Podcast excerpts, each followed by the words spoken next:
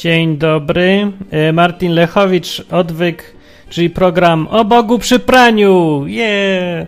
Miał być jeszcze o Bogu przy piwie, ale nie, no nie piwo tam, od razu piwo. Piwo to jest taki relaks, a tu chodzi o to, że też o życiu gadamy, a dokładnie w tym odcinku będzie o śmierci. Było już o śmierci dwa razy. Raz było ogólnie o tym, że wszyscy umierają i że to jest dziwne dla ludzi, a ja nie wiem dlaczego to ma być dziwne dla ludzi. A drugi odcinek był o samobójstwie, że samobójstwo nie jest grzechem. Nie jest. Dzisiaj to będzie o umieraniu. O umieraniu powinno być trochę częściej, tak naprawdę. Coś, ale no po co powtarzać te same rzeczy, nie? Skoro już jest jedno nagranie. Ale dzisiaj od innej strony chciałem ugryźć sprawę, bo yy, news taki jest, informacja. Od tego zacznę. 2014 rok jest listopad 4 dziś, a 1 listopada umarła Brittany Maynard. Maynard. Maynard, Maynard, bo ona była ze Stanów, to bardziej tak Maynard, Maynard Brittany Maynard, Maynard. No to w ogóle nie jest śmieszne. Ona umarła 4 dni temu i yy, mówię, w ogóle nie jest śmieszne. Kompletnie nie jest śmieszne, ale z drugiej strony jest coś w tym optymistycznego. O co chodzi? Ona była kobietą, której zdiagnozowano raka mózgu. Ogólnie takie bolesne i dosyć nieprzyjemne, bo paraliżuje życie i takie już zaczyna mieć objawy, symptomy tego, sam traci się przytomność, nie umie powiedzieć jak to ma na imię, takie tam. Więc ogólnie nieprzyjemna sprawa. I ona postanowiła, że nie będzie czekać na całą masakrę organizmu, aż jej ten mózg ugotuje, tylko naciśnie guzik wcześniej i ona umrze wtedy, kiedy. Nie wtedy, kiedy musi biologicznie, tylko trochę wcześniej, wtedy, kiedy jest jeszcze przytomna. E, nazywa się to eutanazja. Niektórzy mówią, że to się nie nazywa eutanazja, bo eutanazja to jest wtedy, kiedy e, ktoś tobie, ktoś ciebie zabije, jak jesteś stary i brzydki. A, a jak się sam zabisz, to to jest samobójstwo, mówią. Nie, no to nie jest samobójstwo. Samobójstwo to jest wtedy, jak człowiek się chce zabić, sam z siebie się chce zabić, chociaż mógłby sobie spokojnie żyć. E, technicznie rzecz biorąc. Samobójstwo jest wtedy, jak ktoś ma ochotę umrzeć. A eutanazja jest wtedy, jak ktoś nie chce umierać, ale nie ma wyjścia za bardzo. Właściwie wszyscy nie mamy wyjścia i musimy umierać, ale chodzi to o tą już te ostatnie dni, jak się je spędza. No bo yy, oprócz tego, że wszyscy musimy umierać, no to nie żyjemy wszyscy ze świadomością, że za chwilę umrzemy, że, że już niedługo, tylko ogólnie tak, jak, jakiś, no taka umowa na czas nieokreślony jest, nie? No, a kiedy już ktoś ma ten czas określony, już to mu się robi realne, no to wtedy może być eutanazja albo nie. Yy, więc ona postanowiła, ta Brittany, że 1 listopada będzie.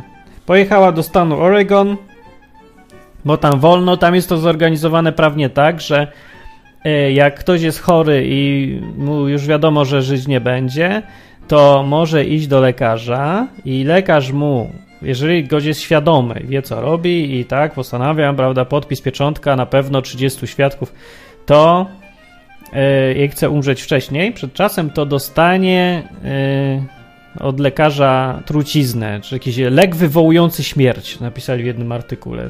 Czemu nie można powiedzieć trucizna? Nie, nie wiem, to jakieś nieprzyzwoite czy coś. No, w każdym razie dostaje się to, yy, ale pacjent musi sam to łyknąć. Jest bardzo rozsądnie zorganizowane, więc y, uniemożliwia jakieś tam, że ktoś cię tam dziabnie czymś zatrutym ostrzem i tak dalej. Z nie wiadomo jakiego powodu by miał.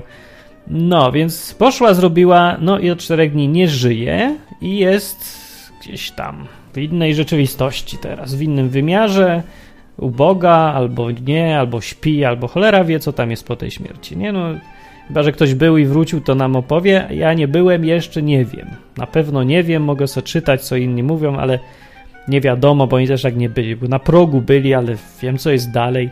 To jest tak jakby człowiek wszedł na, na próg, nie wiem, bo jakby facet był na granicy, powiedzmy, e, Stanów Zjednoczonych i wrócił z tej granicy, bo dalej nie mógł przejść i opowiadał, jak jest w Stanach Zjednoczonych. To przecież cóż on mógł zobaczyć? Więc tak samo ci wszyscy, co mówią o tych przeżyciach, śmierć kliniczna czy coś, no to tak sama historia, no byli na progu, coś opowiadają, no przecież gdzie oni tam byli, no. Więc nie wiemy, no nie wiemy i już. No to chodzi mi, że nie wiemy, po prostu wiedzieć nie będziemy, choćby nie wiem, kto miał ile wiary czy czegoś, to jest tylko ciągle zgadywanie, takie patrzenie w lustrze, przez, nie wiem, przez dziurkę od klucza i może coś się da trochę zobaczyć, trochę nie. Większość z tego są kompletne pierdoły, relacje sprzeczne ze sobą wewnętrznie, niespójne, jakieś takie odrealnione w ogóle, a niektóre mają sens, nawet się jakoś pokrywają całkiem w wielu punktach, ale nigdy nie ma takich pełnych, rzetelnych, totalnych, możliwych do sprawdzenia. Nie, są trochę możliwe do sprawdzenia, kiedy ktoś tam, kto umarł na chwilę, nie? Opisuje potem, co się działo, kiedy on miał mózg nieaktywny. W ogóle cały, wszystko umarło, a on opisuje tak, jakby tam był. To jest, to jest ciekawe, nie? Do tego to takie coś wyjaśnicie. No. Są takie przypadki, oczywiście tych jest mało, no ale to zawsze tak jest w każdych przypadkach, że większość relacji to są różni tam, co im się wydawało, nawiedzeni, oszuści, e, przewrażliwieni, zbyt emocjonalni, nieracjonalnie myślący, nie? I zawsze mniejszość to są jakieś re relacje, co, się, co warto brać pod uwagę. No dobra, ale to nie na ten temat. Teraz będzie o tej eutanazji i jak się to ma do Biblii. Ta, to, co zrobiła Brittany. Wzięła sobie, skróciła. Jak to się ma do Biblii? Jak na to patrzeć e, z punktu widzenia Biblii, kierując się tym, czym jest śmierć i czy to jest dobre, czy złe, jaka jest śmierć, o co chodzi, jak najlepiej umrzeć i kiedy, i czy w ogóle wolno se skrócić? O, takie pytanie.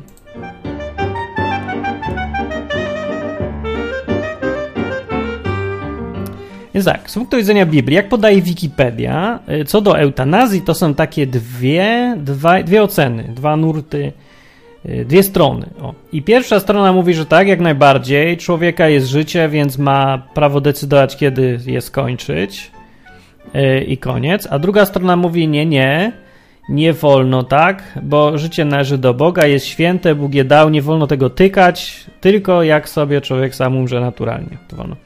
Tak to mniej więcej przedstawia Wikipedia i tak to mi się zgadza ogólnie z obserwacjami. Rzeczywiście tak to mniej więcej taki podział widzę. Ja go nie rozumiem, powiem. Ja, ja nie mam, nie, kompletnie nie rozumiem, bo powinno być dokładnie odwrotnie. Czy ludzie są nienormalni, albo ja jestem nienormalny, albo ja czegoś nie rozumiem, albo oni są nielogiczni. No bo z punktu widzenia Biblii, biblijnego podejścia, ludzie, którzy ciągle gadają o tym Bogu, powinni się cieszyć na myśl, że do niego pójdą i zamiast uważać życie tutaj za ostateczność, za coś, co trzeba ratować za wszelką cenę, bo to jedyne, co mamy przecież, nie no, właśnie nie jedyne, co mamy, więc zamiast właśnie ratować je za wszelką cenę, jakby to było jedyne, co mamy, to powinni dodać do tego z luzem, że no tak, no to jest jedno życie, tam dalej jest drugie życie, jakiego tam różnicy nie ma, czy ktoś pójdzie miesiąc wcześniej, czy miesiąc później i tak tam wszyscy trafią. Tak powinni mówić, przecież zgodnie z tym, co deklarują ci wszyscy, co mają Boga na ustach. A tymczasem oni się zachowują tak, jakby nie wierzyli, że jest życie po śmierci. Co mnie y, ostatnio takie rozmowy miałem i z nich, to one mi uświadomiły, że rzeczywiście większość ludzi, którzy się deklarują w Polsce e, wierzącymi w Boga ogólnie, nie wierzą kompletnie, jak przychodzi co do czego, nie wierzą kompletnie, że po śmierci jest dalej życie. Więc trzymają się wszystkiego kurczowo życia. Jak ktoś umrze, zachowują się jakby byli w ciężkim szoku, jakby ich spotkało coś nieoczekiwanego, niespodziewanego i największa możliwa tragedia. No, nie wiem, w rozumieniu kogoś, kto podchodzi e, tak od strony Boga do kwestii śmierci, to w jego rozumieniu śmierć powinna być traktowana jak wyjazd gdzieś daleko. Wycieczka do Stanów Zjednoczonych, z biletem w jedną stronę, ale nie taka znowu to straszna rzecz, że, że rozłąka nie będzie trwała długo, no bo wszyscy inni też tam wyjadą w końcu, bo też już mają bilety w jedną stronę, tylko jeszcze daty nie, nie ustalili. Więc tak na to powinni patrzeć jak na wyjazd do dalekiego kraju. Czy to jest szczyt tragedii, że się wyjeżdża do innego kraju, w dodatku bogatszego, lepszego, weselszego, w ogóle lepszego pod każdym względem? Czy to jest największa możliwa tragedia, się pytam. No przecież nie, oczywiście, że nie. W ogóle to nie jest tragedia. Tragiczne jest tylko to, że nie będziemy mogli się zobaczyć z tym kimś przez jakiś czas. Że ta, ta rozłąka jest tylko trudna, ale to nie jest tragedia. No przecież człowiek nie umarł, tylko wyjechał. Nie? No tak powinni rozumieć ci, co mówią ciągle o tym Bogu i śmierci i życiu wiecznym. A tymczasem to oni właśnie protestują przeciwko komuś, kto chce zamienić bilet z późniejszą datą na bilet z datą wcześniejszą, żeby wyjechać wcześniej, yy, zanim mu coś się porobi w organizmie i będzie musiał jeszcze ostatnie miesiące cierpieć bez sensu, nie wiadomo po co, nic sensownego nie robiąc w tym życiu, tylko cierpiąc, i, i nie wiadomo. I, no i tak się skończy tym, że i tak musi wyjechać i tak. Tylko cała różnica polega na tym, że ostatnie miesiące, w których nic się nie da już robić i tak, żadnego pożytku z ciebie nie ma, spędzasz cierpiąc. I to jest cała różnica w praktyce. No. Więc nie rozumiem, dlaczego nie jest odwrotnie. Z kolei ta druga strona, ci co mówią, że człowiek ma wolność, powinien sam decydować, kiedy umrze, niech se umiera wcześniej jak chce. No to, to są ludzie, którzy teoretycznie, znowu mówię, powinni, są ateistami, nie? że to są ci, co nie wierzą, że jest życie po śmierci. Dlaczego ci ludzie nie bronią życia za wszelką cenę, skoro potem już nic nie ma? Życie to jest dla nich absolutnie wszystko, co mają. Bez życia nie mają nic. Wszystko, co sobie wymyślisz na ziemi, wszystkie plany, wszystkie przyjemności, yy, absolutnie wszystko, co tylko możesz mieć, chcieć, osiągnąć, przeżywać, kończy się, bezpowrotnie znika w momencie śmierci. Nic już jest nieważne. Więc ci ludzie powinni być po drugiej stronie i mówić, że nie, nie, nie wolno pozwalać ludziom, żeby umierali wcześniej, bo każda minuta jest jedynym, co masz. Nawet jeżeli cierpisz czy coś, to i tak jest lepsze od nieistnienia zupełnego. No, a jest odwrotnie. Więc ja, ja nie rozumiem w ogóle ludzi. Ludzie wy, najwyraźniej. Wniosek mam taki. Ludzie mówią, że wierzą w coś jednego, a robią dokładnie przeciwne rzeczy o tym, w co człowiek wierzy yy, naprawdę, ja uważam, że o tym, co człowiek, w co człowiek naprawdę wierzy, decyduje to, jak postępuje. Bo w jego postępowaniu wychodzą jego prawdziwe wierzenia, jego prawdziwe motywacje, to, co on naprawdę sądzi, jak jest. A to, co gada, że wierzy, to można wyrzucić do śmieci, bo w ogóle tego okazuje się, że mało kto się tego trzyma tak naprawdę z jego postępowania bardziej widać, w co on wierzy tak naprawdę. Większość wierzących jest niewierząca, a większość niewierzących jest wierząca. Bez sensu jest ten świat. Albo ludzie. Fascynujące obiekty badań, nie?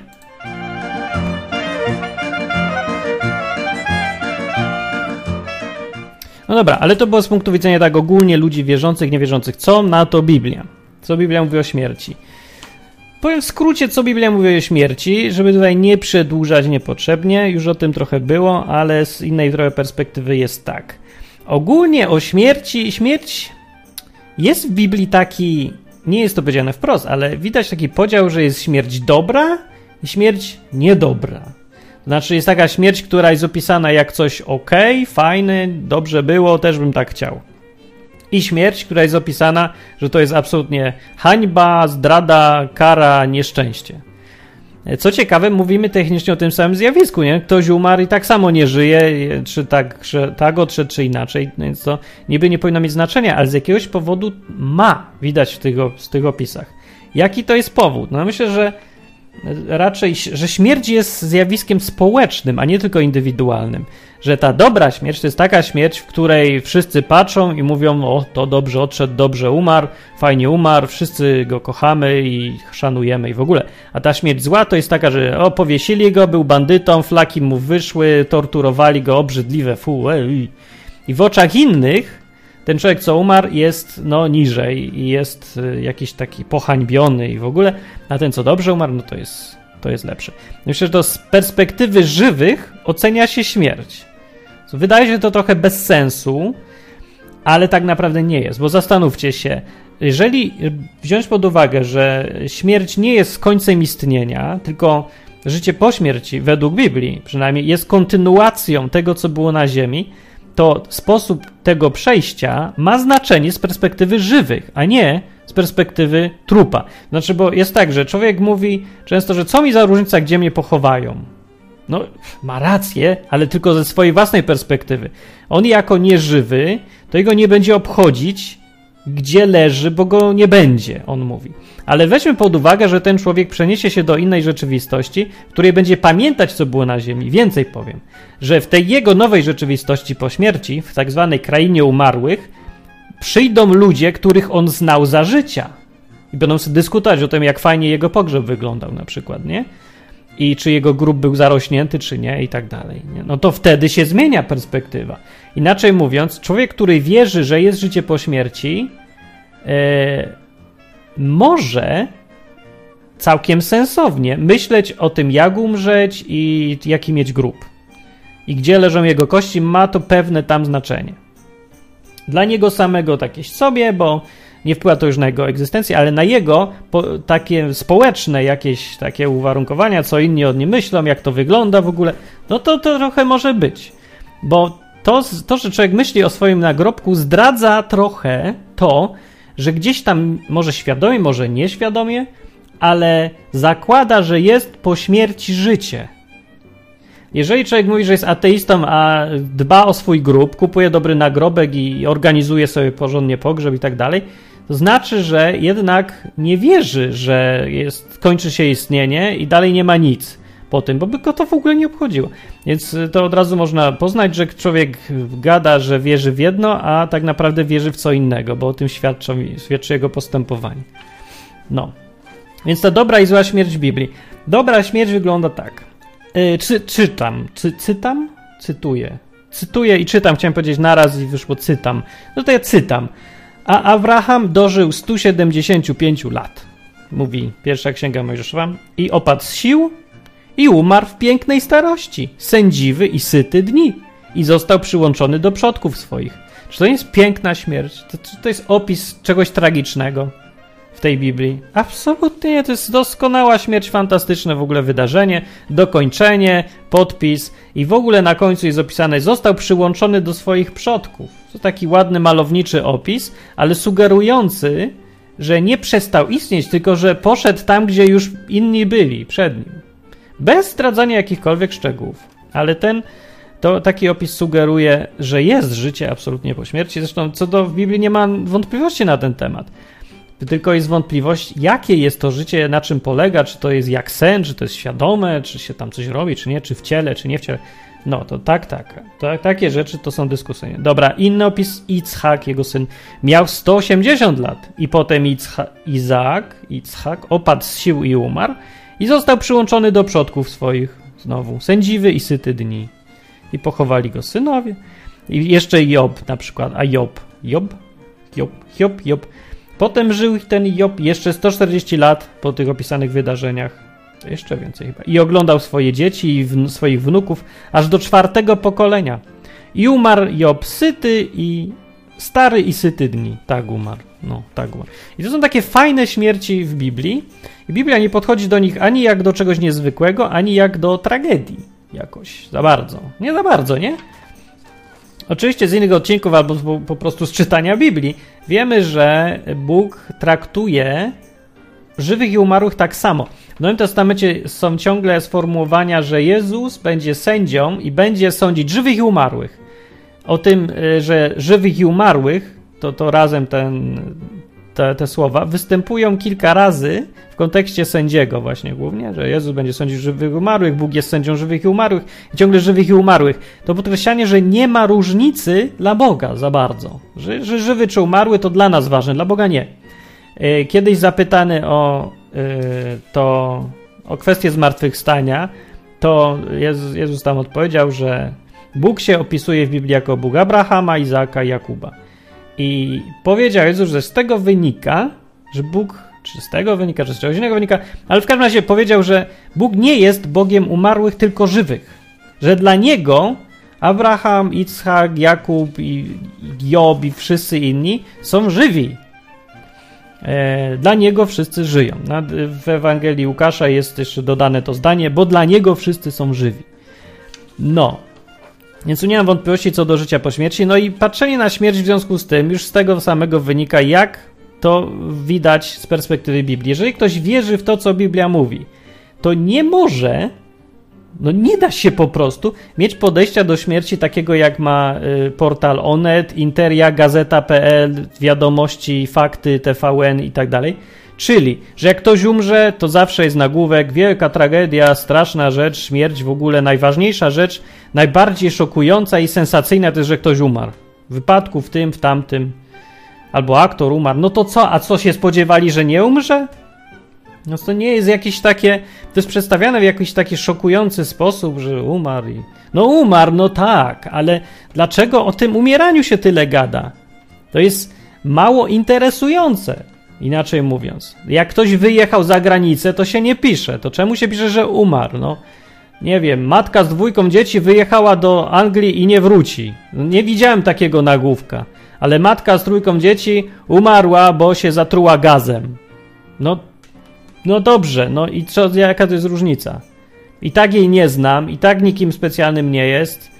No, że gaz był, ktoś nie zadbał o gaz, tak, to, to może być ta różnica i, i że niedbalstwo kogoś przyspieszyło czyjąś datę śmierci. Tak, to, to może być.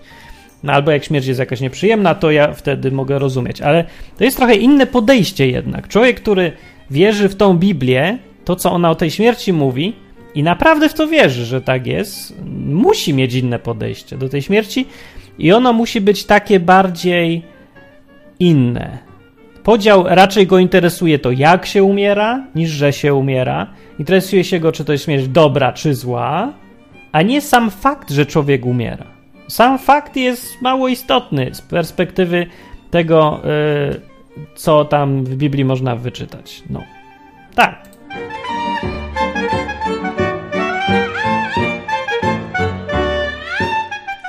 I jeszcze drugą, inną rzecz chcę powiedzieć do, o tej śmierci. Ta perspektywa wieczności, patrzenia na śmierć jest taka, trochę się wydaje nieludzka. No, trochę może być szokujące. Wyobraźcie sobie scenę, przychodzicie na pogrzeb, a tam wszyscy pijani w trzy dupy i świętują, jakby to były urodziny, że ktoś umarł. Nie umarł im kolega, oni wszyscy zadowoleni, tak szczęśliwi, że normalnie ledwo stoją na nogach ze śmiechu. Opowiadają sobie kawały, piją, bawią się i nikt nie jest smutny.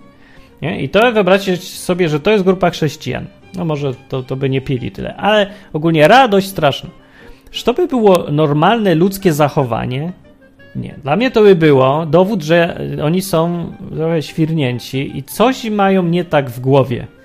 Bo to jest nieludzkie. To jest kompletnie nienaturalne zachowanie. Nawet jeżeli się wierzy w to, że śmierć jest przejściem do lepszego, wyjazdem do lepszego kraju, yy, to i tak zostaje ten smutek. I w Biblii to też mamy. Są takie przypadki, jak Jezus był, chodził po ziemi, raz się dowiedział, że jego przyjaciel Łazarz imieniem miał taką przyja- grupkę fajnych przyjaciół, Łazarz i dwie siostry, i on zachorował i umarł. I przyszedł Jezus, i te siostry tak płaczą im smutno, i siostra jedna mówi do niego: nie, no taka smutna i płacza, Jezus ją pociesza, mówi spoko, będzie żywy. A ona mówi, no i wiem, wiem, wiem, że zmartwychwstanie, jak już umarli zmartwychwstaną. No powiedziała, że wierzy w to, że kiedyś wszyscy zmarli będą znowu żywi. Bo tak to Biblia przedstawia, że kiedyś zmartwychwstaną wszyscy właściwie. No i potem coś tam się z nimi stanie dalej, ale że będą żywi i to w ciele żywi, tak normalnie, nie jakieś tam metafizyczne, latające duchy, jakieś stany świadomości, żadne stany, żadne świadomości, normalnie żywi ludzie, na normalnych planecie, z normalną grawitacją. No może z nie wiem z jaką grawitacją, ale no tak to ma być, że żywi po prostu, dotykalni z, z ciała, jakiegoś tam innego, dziwnego, ale jednak zmartwychwstaną razem z ciałem. No i yy, ona tak mu mówi, a Jezus odpowiada, że nie, ale nie o to mi chodzi, chodzi mi o to, że teraz będzie żywy. On w ogóle inaczej to trochę powiedział. Powiedział, że nie, nieważne, to jest zresztą nie o to mi teraz chodzi. Chodzi mi o to, że jak Jezus to zobaczył, jak płaczą, te, wszystkim jest tak smutno, to nie mówił, że powinien właśnie tak teoretycznie, nie? Jakby to tak rozumowo podchodził ten Jezus, tak jak to wielu z nas oczekuje, niestety, z nas, czyli nie, nie wiem, miesza z tym. Ale ludzi oczekuje, że, że tak intelektualnie się podejdzie. No przecież nie umarł, czegoś smucicie się, powinien być w ogóle zły na nich. Przestańcie płakać, wy o małej wiary. Przecież on nie umarł, tylko śpi i jest żywy dla Boga i w ogóle nie umarł. Czemu się smucicie tak jak umarł? Precz z wami, w ogóle szatan was okłamał. No, nie, no i coś takiego, ale on nic takiego nie zrobił, tylko się sam wzruszył. I to jest dla mnie coś, co jest jest super ważne, bo to pokazuje, że Jezus nie był nawiedzonym fanatykiem, takim jak wielu z tych, co go głoszą. Nie, nie był tym intelektualnym, takim komputerem chodzącym, co wszystko rozpatruje z perspektywy wieczności i intelektualnie. że dogmatami rozumuje. Widzi świat i mówi, a no to jak umarł, no to nie umarł. Tylko jest żywy dla Boga, no to nie wolno być smutnym. I nie będę smutnym, bo już ten. On nigdy nie zatracił odruchów człowieka przy tym wszystkim. Irracjonalnych. Tak, Jezus był irracjonalny. No przecież płakał. Wzruszył się i płakał po prostu, no. No płakał, że umarł mu przyjaciel, wiedząc, że zmartwychwstanie za pół godziny będzie żywy razem z nim, a i tak płakał. Po prostu się wzruszył. No się wzruszył. Wzruszenie jest irracjonalne. Po co się wzruszał? Zamiast się cieszyć, śmiać w ogóle, przecież zaraz będzie żywy. Oni tam wszyscy płaczą. No by zdziwił tych ludzi, ale co, pierwszy raz ich dziwił i szokował? Ciągle ich dziwił i szokował, ale tu się wziął i wzruszył. Po prostu poczuł się jak człowiek, absolutnie czuł jak człowiek, wiedząc wszystko. I tak czuł smutno, że mu jest. No, że wyjechał, że umarł. Tak się poczuł jak człowiek, no. Fajne to jest, mi się to podoba, bo to pokazuje... Yy, Wiecie, co, e, Biblia to jest jedyna książka, która coś takiego robi. Z tych wszystkich książek takich świętych o, o tam, o bogach, nie bogach, wiecie, tam Korany, nie Korany. Z tych wszystkich świętych tak zwanych książek, tylko Biblia pokazuje coś takiego, że y, pokazuje tego człowieka, którego nazywa Bogiem, tego, no, nazywa go Synem Bożym i tak dalej, nie? Że był kimś absolutnie ponadnaturalnym, ale jednocześnie pokazuje jego ludzkie reakcje, absolutnie ludzkie, kompletnie realistyczne. No. To jest pisane jak kronika i reakcje ludzi, wydarzenia opisane tam są bardzo realistyczne. Są jak, no, jak kronika. No, trudno wymyślić relację, która będzie bardziej zgodna z rzeczywistością. To się może wydawać, jak człowiek nie myśli, sobie to czyta, że ta, takie opowiastki, ale kiedy się zaczyna wczuwać w tą sytuację, Wszystkie reakcje są bardzo realistyczne i bardzo ludzkie. Tak jak ludzie reagują w takich sytuacjach mniej więcej, nie? Że tu się boją, tutaj chcą zabić, tutaj nie zabijają z jakiegoś powodu, tutaj coś, tu płaczą. To jest dziwne wszystko i to jest wyjątkowość jednak Biblii, no. Jak sobie weźmiecie jakieś tam y, islamskie nie, podejścia, to tam nie ma tego ludzkiego elementu. Tam to jest prorok, to ma swoje dogmaty, on ma wszystkich w dupie tak naprawdę, bo on ma swoje przykazania od Boga, rozkazy i robi tak jak trzeba, tu zamorduj, tu zamorduj, tutaj daj nagrodę, tu daj nagrodę, wszystko jak taki komputer jedzie, nie? I nie ma, że tam ludzkie odruchy. Wiecie co, tu się mogę mylić, bo ja tu nie, nie znam za dobrze, więc może się i mylę, ale wschodnie pisma. Wschodnie pisma to są bogowie i oni w ogóle nie wychodzą nigdy z roli. Nie? To nie są jacyś realistyczni ci wszyscy bogowie z piętnastoma rękami, nie, się tam komuś tam z głowy coś tam wykwitło, jeden Bóg drugiemu z tyłka wyskoczył i zaczął. Nie, no tam w ogóle nie ma nic realizmu z kolei, więc mówię, nie ma takich ksiąg. Z kolei są te wszystkie apokryfy jeszcze, takie parachrześcijańskie, w ogóle nie są chrześcijańskie. Dużo jest apokryfów gnostycznych. Tu powiem takie słowo, niezrozumiałe. Chodzi mi o te wszystkie takie nawiedzone bardziej. I w tych nawiedzonych właśnie jest taki Jezus, jakiego się, jak sobie go ludzie ciągle wyobrażają. Ten z aureolą i wszystko według dogmatów robi. Nie reaguje irracjonalnie, tylko on tam jest na wyższym stopniu świadomości. Zawsze opowiada tajemnice wielkie, których nikt nie rozumie, nawet on sam. I opowiada takie rzeczy i, mówi, że o, to musi być na 17 stopniu stajemniczenia, kiedyś to zrozumiesz, jak będziesz, będziesz oświecony, to wtedy zrozumiesz, że w ogóle to to wszechświat jest 17-wymiarowy i tak Jezus opowiada z tych e, wizjach jakichś tam komuś, no w tych wszystkich książkach, księgach, apokryfach gnostycznych, właśnie ta gnoza. Nie, no widać różnicę z Biblią, jest dramatyczna różnica między Ewangeliami z Biblii, tej co macie, ją tu, do czytania co jest, a tymi apokryfami, no więc dlatego ja na przykład nigdy nie no nie wiem, co odpowiedzieć ludziom, co mówią, a dlaczego, Martin, akurat te księgi są w Biblii, a nie inne? No to je przeczytaj, to zrozumiesz. To nie jest naprawdę żadna, żaden spisek, to jest oczywista różnica między gnostycznym podejściem, a realistycznym pokazaniem Jezusa, jak płacze na grobie i tam ktoś zmartwychwstaje, tam są cuda, ale to wszystko jest opis realny. E, takich ludzi prawdziwych, z ich całymi reak reakcjami, nie? I nie, że jakieś tam tajemnice, coś tam niezrozumiałe, nielogiczne, nawet to nie może być logiki. Na poziomie 17 świadomości nie ma logiki już w ogóle, to tam nie trzeba.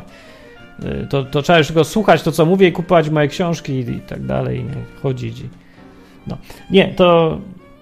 Dobra, to byłaby jakaś dygresja długa, nie? Bo ja mówiłem o śmierci. Czekajcie, wrócę, strasznie przedłużam, bez sensu, bo mnie ciągle ciągnie na te jakieś dygresje, ale to jest ważne akurat. No, Więc w każdym razie nie wiem, co odpowiedzieć tym ludziom, co mówią, czemu te księgi, a nie inne. No, no temu, no. Ale jaki byś ty ułożył? No jak? W każdym razie Jezus chodzi o to, że płakał. No, Jezus płakał i podchodził do tej śmierci.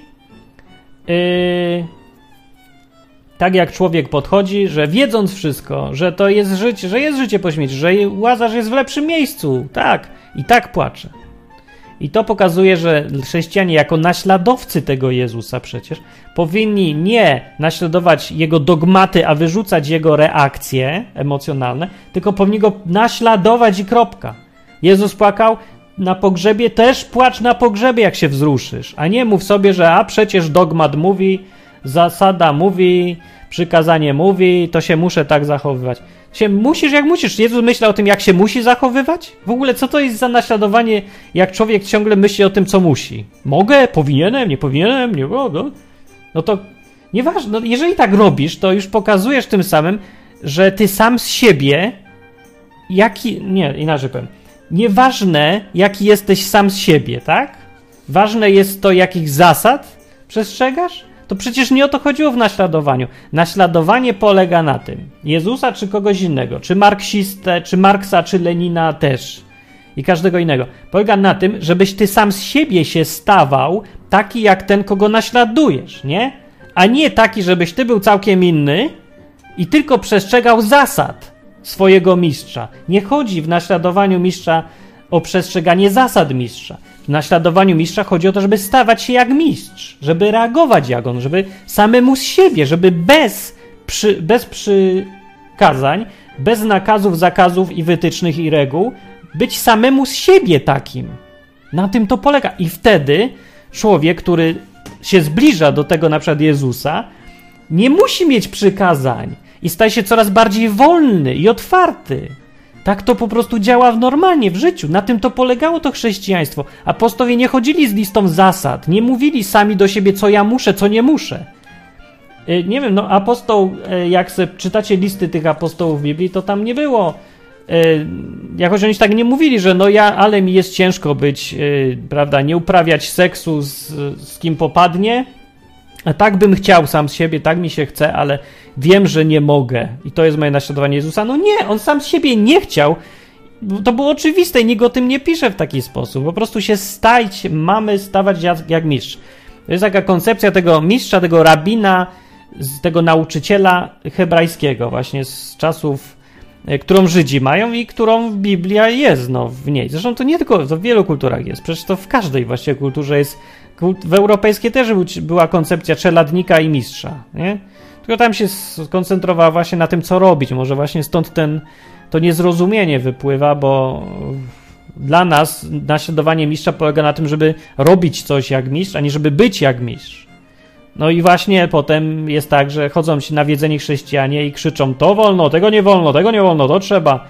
A sami z siebie są w ogóle pff, jacy chcą. Nie o to chodziło. Dobra, no, no nie, no straszna jest ta dygresja, miał być o śmierci, ja mówię o naśladowaniu. No, no nie mogę, no, no przepraszam. Że...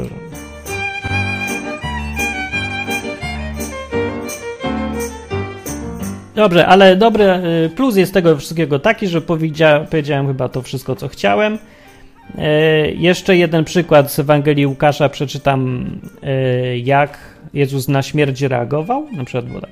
Gdy się przybliżał do bramy miasta, wszystko jedno jakiego. Oto wynoszono zmarłego, jedynego syna matki, która była wdową.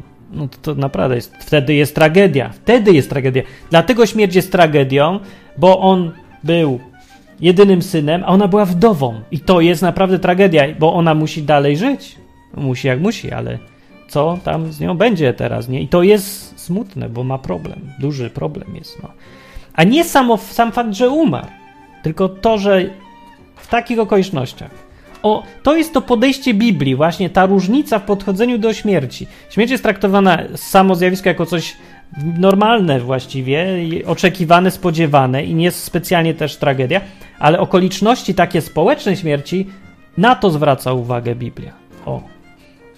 Więc gdy się przybliżał do bramy, o, nawet z tego opisu widać, po co to powiedzieli? Czy śmierć śmierci nierówna? Jeżeli życie ma wartość nieskończoną, to w ogóle nie ma różnicy, że jest śmierć bardziej tragiczna, mniej tragiczna. Każda jest tragiczna, tak się mówi dziś, nie? W Biblii nie. W Biblii jest napisane, opisane, dlaczego ta śmierć była tragiczna. Bo wynoszono zmarłego jedynego syna matki, która była wdową i wiele ludzi z tego miasta było z nią, z tą wdową. Więc gdy ją Pan zobaczył, użalił się nad nią i rzekł do niej, nie płacz, tak powiedział. To było miłe, tak bardzo ludzkie. I nie, nie prawił jej kazań. Nie, to też to chrześcijanie przychodzą od razu wtedy i zaczynają wyjaśniać. Ej, nie, bo on, on będzie żył, on jest u Boga, lepsze miejscu. Srał pies. Jechał go sęp, jak mówi Skrzetuski. Chodzi o to, że Jezus potrzebuje nie płacz. Mówi tak pocieszył po prostu i nic nie, nie kaz, kazań nie gadał. No, czemu nie mogą być chrześcijanie jak Jezus? To jest po prostu tak proste ludzkie reakcje. Nie chrześcijanie są bardziej jak Jezus niż chrześcijanie. To jest naprawdę tragedia z tymi ludźmi, którzy się podają za chrześcijan. Popatrzysz na nich, na to, jak podchodzą do innych i kompletnie robią inaczej niż Jezus robi. No, no dobrze się hamują tymi zasadami, żeby chociaż trochę tego Jezusa przypominać, bo jakby tak ich puścić i zabrać im zasady, to już w ogóle będą jak nie wiem, co oni by zaczęli robić. Nie wiem, co straszne, bałbym się wtedy. Dobrze, nie, przepraszam bardzo, bo dygresji dużo. Więc jest ta y, zdanie. Gdy się przybliżał do bramy miasta, wynoszono zmarłego, jedynego syna matki, która była wdową i wiele ludzi z tego miasta było z nią. I ją pan zobaczył i się użalił i rzekł do niej nie płacz. I podszedłszy dotknął się noszy, a ci, co je nieśli, stanęli. O, ktoś noszy dotyka, a może chce ukraść. I rzekł, młodzieńcze, mówię ci, wstań. I podniósł się zmarły i zaczął mówić. No, zombie nie mówi, nie? Chyba. Czyli zombie mówi. No, on mówił. Więc nie zombie. I oddał go jego matce. Idź do mamy. Wtedy lęk ogarnął wszystkich. Też ludzka reakcja, nie? Że taka, tak mi się wydaje, naturalna. No, nie, co innego miało ogarnąć. No i wielbili Boga, mówiąc, prorok wielki powstał wśród nas i Bóg nawiedził swój lud. No, zmartwychwstanie takie. To jest jakiś taki mało, e, rzadko cytowany z Biblii przypadek, jak Jezus wziął, zobaczył matkę. Nie, mało kto pamięta w ogóle o tym, że tak było, że właśnie, że to zdarzenie miało miejsce, jest opisane w Biblii. Wziął, mu się żal zrobiło, bez jakiegoś szczególnego powodu, z żalu po prostu. Mówi, nie płacz. I pamiętał też o tym, że są w trudnej sytuacji, wziął więc je, i wziął i tego syna jej zmartwychwstał. Dla tej matki, nie dla syna to zrobił. Y, wręcz. To, to też jest dziwne, nie? Że śmierć jest ważniejsza, bardziej tragiczna dla żyjących niż dla tego, kto umarł. To właściwie nie powinno być niczym szokującym to, co mówię, bo i chyba tutaj wiele ludzi się zgodzi, że tak rzeczywiście jest. No. Albo że i wszyscy nawet.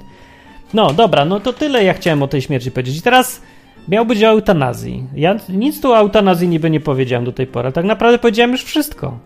Bo podejście y, z tej perspektywy Biblii, patrząc do śmierci, y, jeżeli mamy takie jak w Biblii podejście, no to jak podchodzić do eutanazji, to sprawa jest dosyć oczywista. Nie, bo Biblia nie zwraca nigdy, nigdzie uwagi na to, że ktoś umarł. Albo nie, tak jak powiedziałem, Biblia patrzy bardziej na aspekt społeczny, na efekt dla żywych tego, że ktoś umarł, niż na sam fakt, że ktoś umarł, dla tego, kto umarł. Dlatego, kto umarł, to w ogóle najmniej interesujące w ogóle w Biblii jest. On sobie gdzieś tam poszedł, śpi, nie śpi, nie wiadomo, w krainie umarłych, ale ci, co żywi, oto tak ten. Yy, albo ta zła śmierć jeszcze przy okazji, bo nie powiedziałem, co to za przykłady złej śmierci. No to wiecie, od miecza, od zarazy, od pokrojenia, od śmierć taka przedwczesna jakaś, czy coś. Ktoś zachorował w wieku 30 lat, mógłby jeszcze pożyć, ale nie pożyje. O, to jest negatywny aspekt śmierci. Jak ktoś w starym wieku, marsytydni czy coś, no to super, w ogóle w porządku, fajnie. O to chodzi, nie? Jak w takim wieku średnim, ale wszystko załatwił, wszystkie sprawy na przykład, bardzo dobrze. Jak nie załatwił spraw, zostawił rodzinę i ona nie ma jak żyć, to jest problem i to jest ta zła śmierć. Więc eutanazja w ogóle nie ma szczególnego znaczenia według Biblii. To znaczy taki przypadek jak tej dziewczyny, ja nie wiem, kobiety młodej, 29 lat miała yy, i se skróciła yy, życie, bilet do, do tych krainy umarłych. Przyspieszyła pewnie o pół roku, czy coś koło tego, może miesiąc, może dwa lata, nie wiadomo, ale oszczędziła sobie cierpienia, załatwiła wszystkie swoje sprawy, nie. E, ostatnie dni przeży, przeżyła super w ogóle. Zwiedzała tam, na kajaki chodziła, robiła różne fajne rzeczy. I wszyscy byli wtedy, mogła się pożegnać ze wszystkim. No, no po prostu same plusy. Same plusy. Patrzysz z perspektywy biblijnej. Gdzie tu jest cokolwiek negatywnego? Właściwie same dobre rzeczy.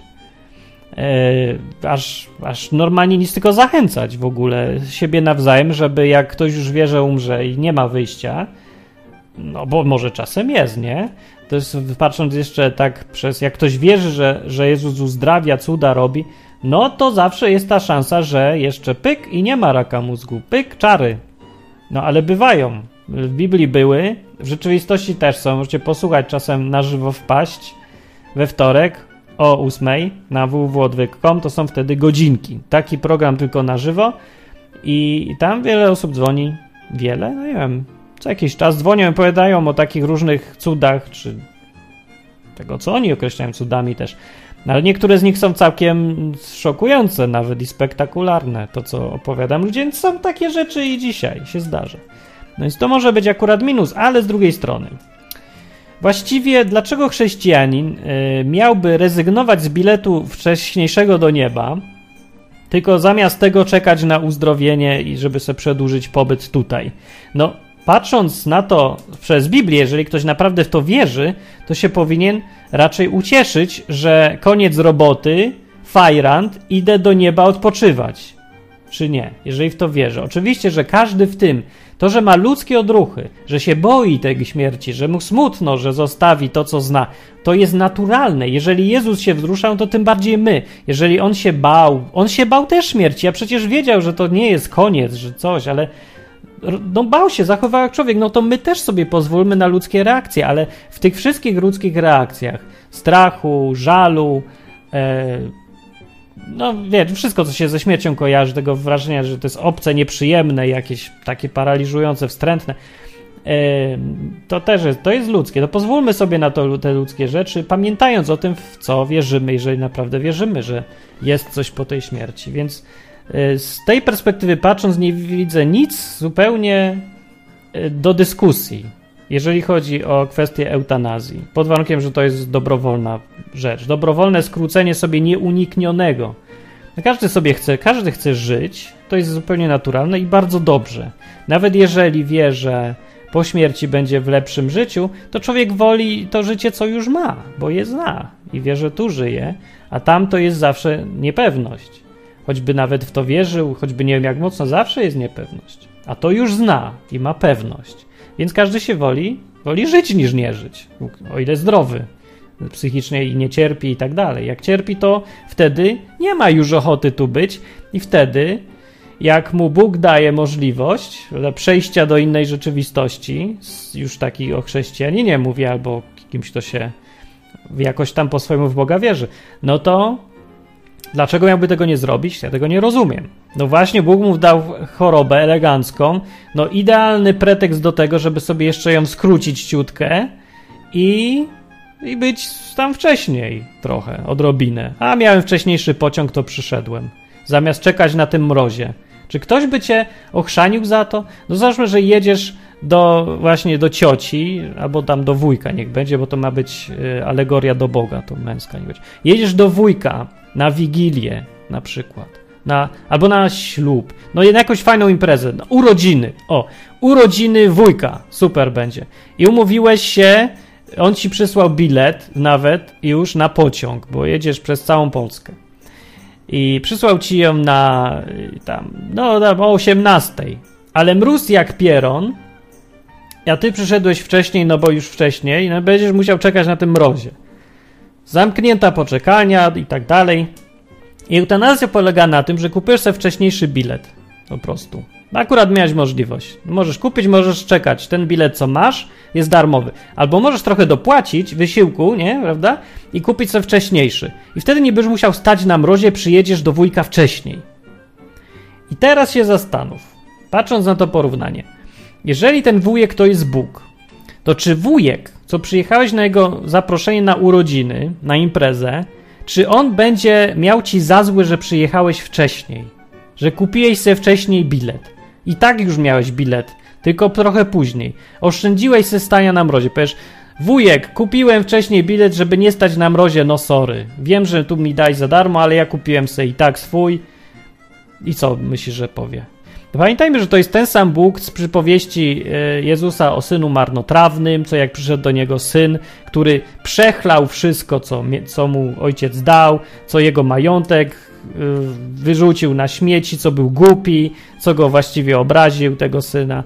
I wrócił ten syn do niego i mówi: Kochany, wróciłeś, dajcie mu wszystko bo syn mi wrócił. No to sobie pomyślcie teraz, że przyjechałeś do tego wujka i to jest ten sam ojciec z tej samej historii i bilet wcześniejszy mówisz, że miałeś, bo nie chciałeś zmarznąć, to co on powie? Wynocha!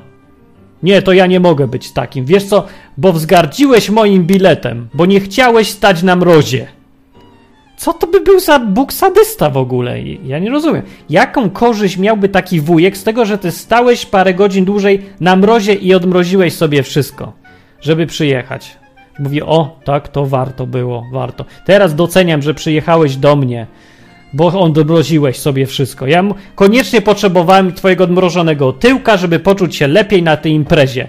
Jakbyś przyjechał uśmiechnięty bardziej, z lepszymi wspomnieniami, z poczekalni, prawda, zamkniętej na dworcu, nie, to ja bym się czuł gorzej. Ja bardzo potrzebuję, żeby wszyscy cierpieli, bo to jest dowód, że mnie kochają. No kurde, ja nie mogę sobie tego wyobrazić. To jest upośledzona wizja Boga katolików. Chyba, no nie wiem, czy tylko katolików, ale katolików na pewno, tych co ja znam. Oni ciągle uważają, że im więcej cierpienia, tym Bóg się bardziej cieszy.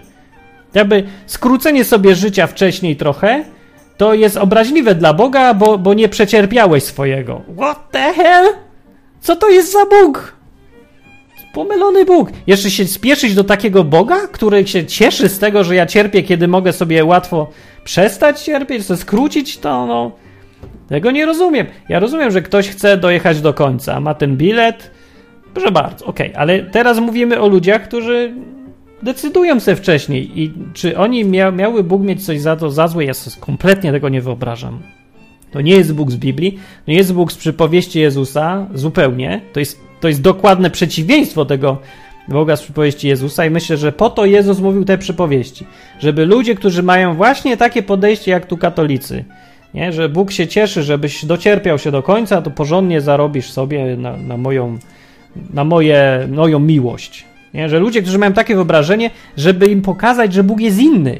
Po to Jezus te przypowieści mówił. I teraz trzeba sobie przypomnieć te przypowieści i sobie pozmieniać to w głowie. Bóg jest inny niż katolik se wyobraża przeciętny. Czyli to nie jest Bóg, co jest zadowolony, że my cierpimy. To jest przeciwnie. Ani to nie jest Bóg, który odrzuca kogoś dlatego, że, że co.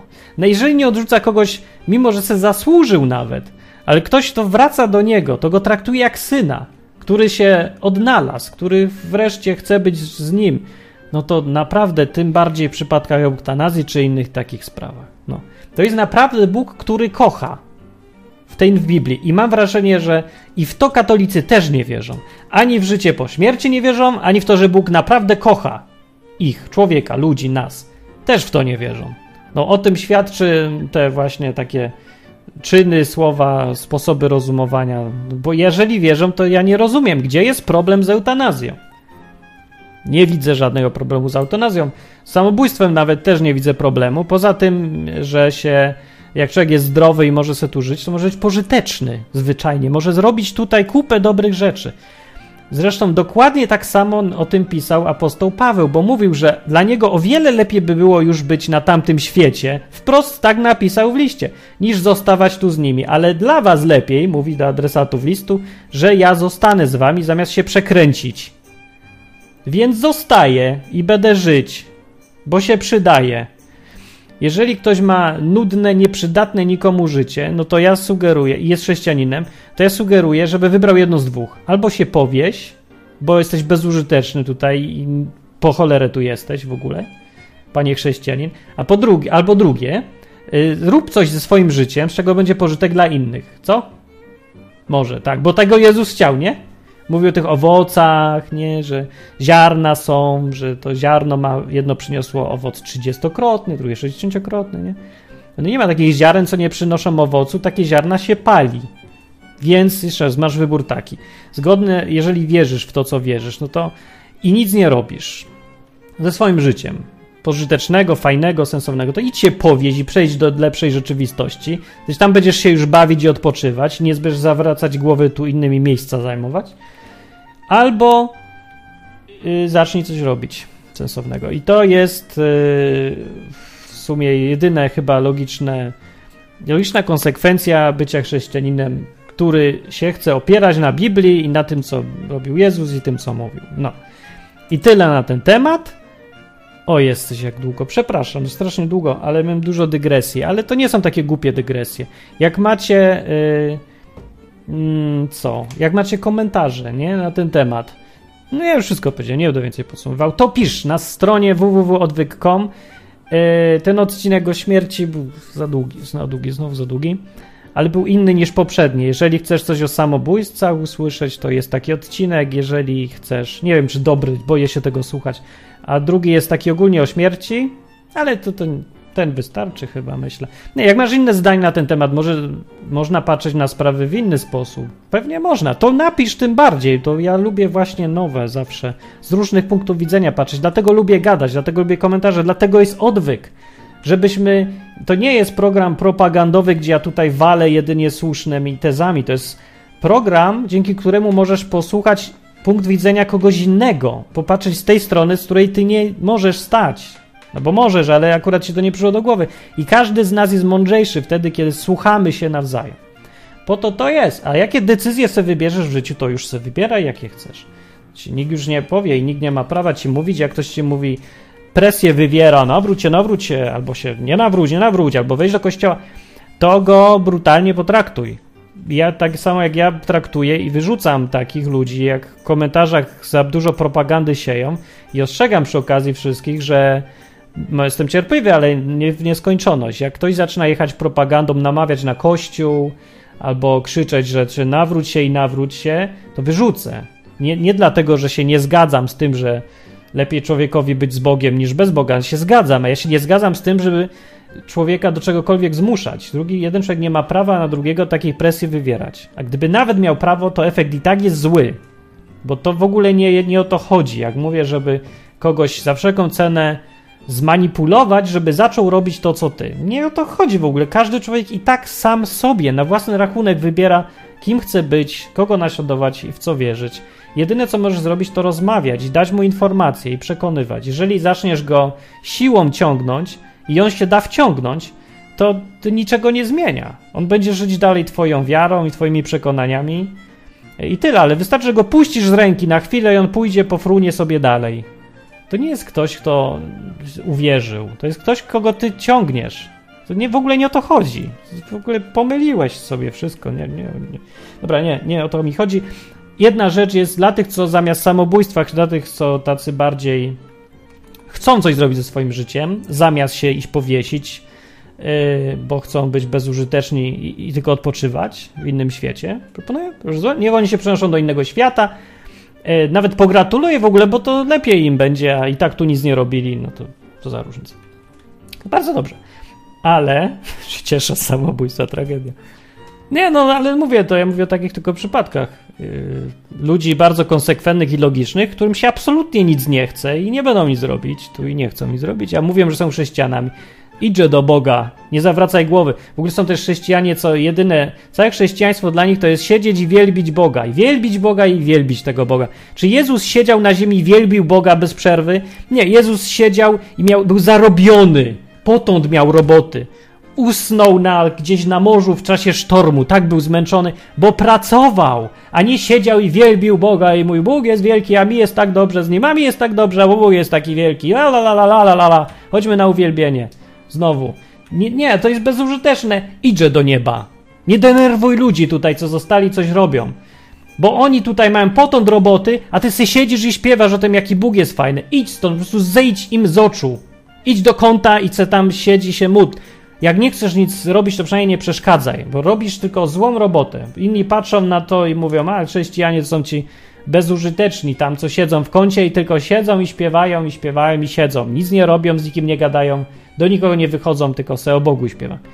Nie na tym polega w ogóle chrześcijaństwo przecież. To jest Ciągle robota, robota, coś fajnego, coś pożytecznego. Bycie dla ludzi.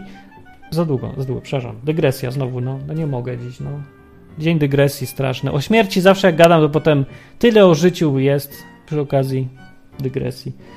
Yy, aha, dobra, no to już zacząłem zdanie. Więc ci, którzy nie, nie chcą się, prawda, przenieść, to a chcieliby coś zacząć robić, a jakoś nie mają e, takiego nawyku, nie, żeby wyjść, że chcieliby się przełamać, to jest dobry serwis i zacznę go teraz reklamować, bo zdaje się, że już działa, z fazy testów wychodzi. Wyzwanie odwyk.com.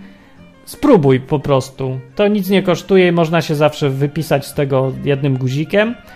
Więc po prostu weź i spróbuj. Zobacz, co tam jest. Zobacz, czy ci się spodoba idea. To jest naprawdę tak naprawdę dla każdego. Do, to są takie malutkie rzeczy, które możesz zrobić, które ci się proponuje, system ci proponuje codziennie albo co parę dni, jak se ustawisz. Czasu ci to nie zabiera, zmusza do przełamywania samego siebie. Na tyle, na ile cię stać. Jak nie zrobisz niczego, nie zrobisz. Jak zrobisz, to już jesteś krok do przodu i zaczynasz widzieć trochę rzeczy inaczej, mieć trochę nawyków. Jak na razie ludzie mówią, że to całkiem fajnie działa. Te wyzwania. Przychodzą im wyzwania, oni robią i co? I co się czują, że mogą, że ja mogę, że zrobiłem, że już nie tylko gadam, trochę coś już robię. I zaczyna wciągać. W ogóle robienie wciąga, nie? Takie robienie po prostu czegoś. Zamiast tylko gadać i analizować tego Boga, weź do tych ludzi, weź coś zrób. Małe dookoła siebie, peta posprzątaj z trawnika, no. I już ten jeden pet jesteś do przodu. I już jest czyściej o jednego peta. Coś zrobiłeś. I to ma to jeden, jeden pet ma większą wartość niż siedzenie przez miesiąc w internecie i analiza tego, co będzie po śmierci, albo tego, czy Jezus przyjdzie wcześniej, miesiąc czy później, i to jak wygląda aureola i inne tam. Ten jeden pet jest naprawdę ważniejszy. No, to zapraszam na peta. Wyzwanie odwyk.com. Kończę. Dzięki, że byliście ze mną. Dzisiaj długi odcinek był. Przepraszam. Dobranoc.